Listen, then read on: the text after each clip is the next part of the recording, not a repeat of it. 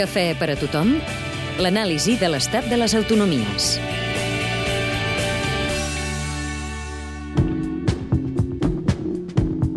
Galícia. Capital. Santiago de Compostela. Governa. Alberto Núñez Feijó, del Partit Popular. Població. 2.778.913 habitants. PIB per habitant. 21.112 euros per sota de la mitjana espanyola. Índex d'atur. 20,18% de la població activa per sota de la mitjana espanyola. Principal motor econòmic. El sector serveis, Endeutament. 12,3% del PIB. Dèficit. 1,61% del PIB, el més baix de totes les comunitats. Pla d'ajustament. 69 milions d'euros. ¿Me pones un café? ¿Cuánto te debo?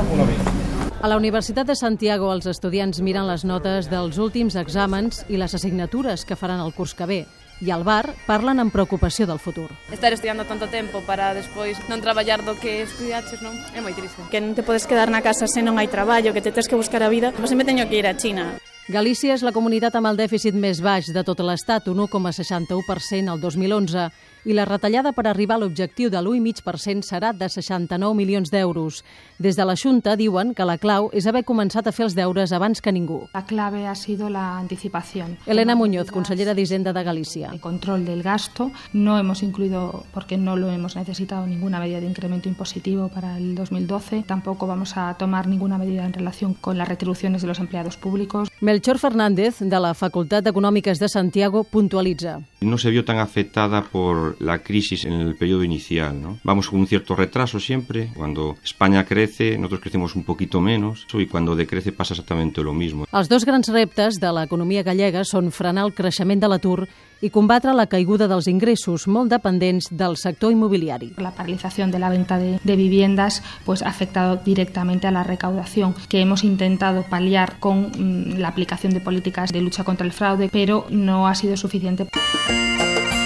La bona notícia per Galícia és que el govern espanyol ha anunciat que el 2013 començaran les obres del tren d'alta velocitat, quan les inversions per infraestructures s'han retallat a totes les comunitats. Hay comunidades que llevan muchos años favorecidas por unas infraestructuras que Galicia en este momento no cuenta con ellas y el ejemplo claro es el del AVE. Da la sensación de que estamos siendo privilegiados por el Estado español cuando el retraso histórico de las infraestructuras en Galicia es tremendo. Sobre el sistema de finançament autonòmic, Galícia es queixa que l'Estat mai ha tingut en compte la dispersió de la població gallega. Galicia no es una de las comunidades más ricas de España, por lo tanto es una comunidad receptora de financiación. Una de nuestras reivindicaciones es que se tenga en cuenta la dispersión de la población. Nosotros tenemos que soportar un coste de prestación de servicios eh, superior a otras comunidades, pues por ejemplo en el ámbito del transporte escolar. I sobre la possibilitat que Catalunya disposi d'un pacte fiscal que redueixi la solidaritat amb la resta de l'Estat, la resposta de la consellera d'Hisenda i de l'economista és la mateixa. Si en este momento tan delicado que estamos damos la sensación de ser un país segmentado, lleno de fragmentaciones, lleno de intereses eh, localistas, ayudará muy poco a la confianza que tenemos que generar en los mercados y en el resto de países. Cuando Cataluña va bien, España va bien, es inevitable.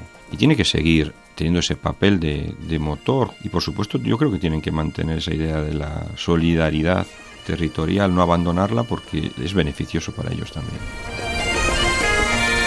Amb aquest desig acaba la conversa entre les estudiants universitàries. Un bo traballo que sería referente ao que estudiamos nós aquí en Galicia, por suposto. Cafè per a tothom, l'anàlisi de l'estat de les autonomies. Una sèrie de reportatges dels serveis informatius de Catalunya Ràdio.